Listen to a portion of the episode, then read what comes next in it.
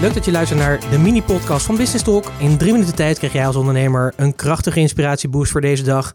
En de boost die ik je vandaag wil meegeven is: ondernemer zijn, dat is echt een staat van zijn.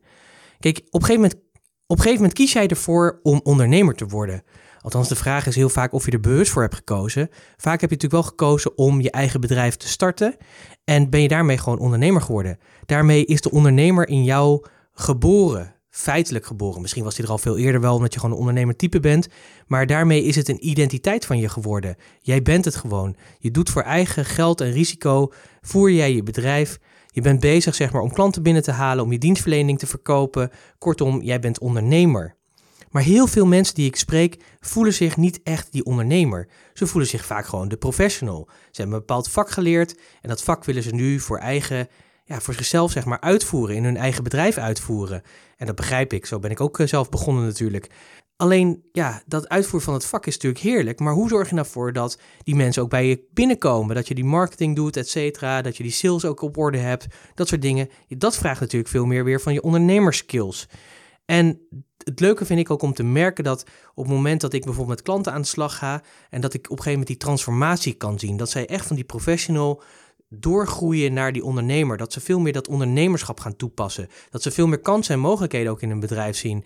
En dat ze zeggen, yes, weet je, daar ga ik gewoon voor. Ik kan gewoon meer cross-sellen, ik kan andere producten en diensten doen. Ik kan mijn diensten op een andere manier aanbieden, waardoor het nog waardevoller wordt. Maar ik er ook andere prijzen voor kan vragen. En ik niet meer op uurtje factuurtje hoef te werken, et cetera.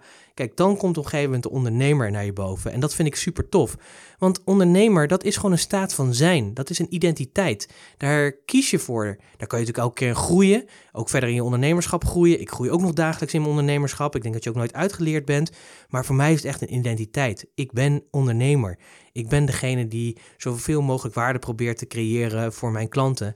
En daar natuurlijk ook gewoon een goede boterham mee wil verdienen. En dat vind ik super tof. Dus denk er eens over na. Hoe sta jij erin? Ben jij echt, ervaar jij jezelf echt als die ondernemer of ervaar jij je nog meer als die zelfstandig professional? En wat zou je liever zijn? Zou je liever die ondernemer zijn, waardoor je breder en verder kan groeien binnen je bedrijf? Of wil je graag die professional blijven? Ik zou zeggen, denk daar eens over na. Ga er eens mee aan de slag. En heb het er ook eens over met andere ondernemers in je omgeving. Hoe staan zij er bijvoorbeeld in?